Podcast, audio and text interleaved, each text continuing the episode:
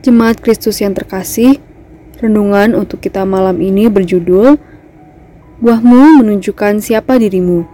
Dan bacaan kita diambil dari Matius 7 ayat 15 sampai 20. Beginilah firman Tuhan. Waspadalah terhadap nabi-nabi palsu yang datang kepadamu dengan menyamar seperti domba, tetapi sesungguhnya mereka adalah serigala yang buas. Dari buahnya lah kamu akan mengenal mereka.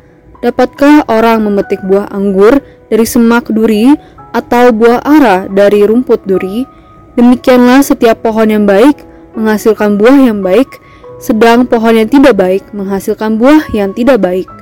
Tidak mungkin pohon yang baik itu menghasilkan buah yang tidak baik, ataupun pohon yang tidak baik itu menghasilkan buah yang baik. Dan setiap pohon yang tidak menghasilkan buah yang baik pasti ditebang dan dibuang ke dalam api. Jadi dari buahnya lah kamu akan mengenal mereka. Buah jatuh tidak jauh dari pohonnya. Ungkapan ini rasanya sudah sangat sering kita dengar dan katakan, dan rasanya kita sepakat bahwa ungkapan ini bukan hanya sebuah perkataan kosong. Semua orang dapat dikenal melalui perkataan dan tindakan yang mereka nyatakan sendiri. Dan sedikit banyak hal itulah yang membangun pemahaman kita tentang orang tersebut.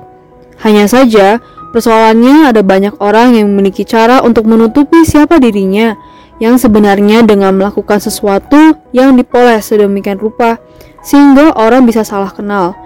Ada banyak alasan dan tujuannya orang melakukan itu, misalnya demi keuntungan pribadi, demi menyelamatkan diri dari kesalahan masa lalu, demi menutupi rencananya, ataupun alasan-alasan lain. Itulah kiranya yang dilakukan oleh nabi-nabi palsu yang mencoba menyesatkan banyak orang demi mendapatkan keuntungan pribadi. Oleh karena itu, Kristus mengingatkan kepada kita, petiklah buah yang benar-benar buah dari seseorang, bukan buah yang dipoles, apalagi buah yang sebenarnya milik orang lain yang diklaim. Untuk mengetahui itu, tentu butuh waktu dan proses. Salah satunya adalah dengan kesabaran dan ketulusan. Dengan ketulusan, kita akan mampu melihat seseorang lebih jernih dan luas, sehingga kita dapat mengenalinya dengan lebih baik lagi. Hati-hati dengan buah yang ditampilkan seseorang.